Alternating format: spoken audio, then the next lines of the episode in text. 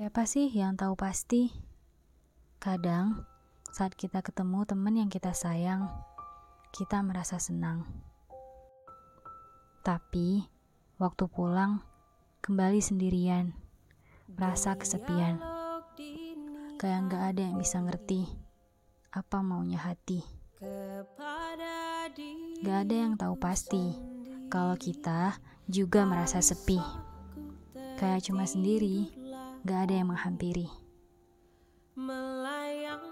Iya tahu, capek kan? Tapi kalau kita nggak bisa bertahan, gimana mau nyaman? Nyaman dengan diri sendiri, tahan dengan segala rintangan. Katanya hidup itu nggak susah, kitanya aja yang bikin susah. Gak apa-apa kok merasa sepi, gak usah gelisah. Kita pasti bisa. Semangat ya!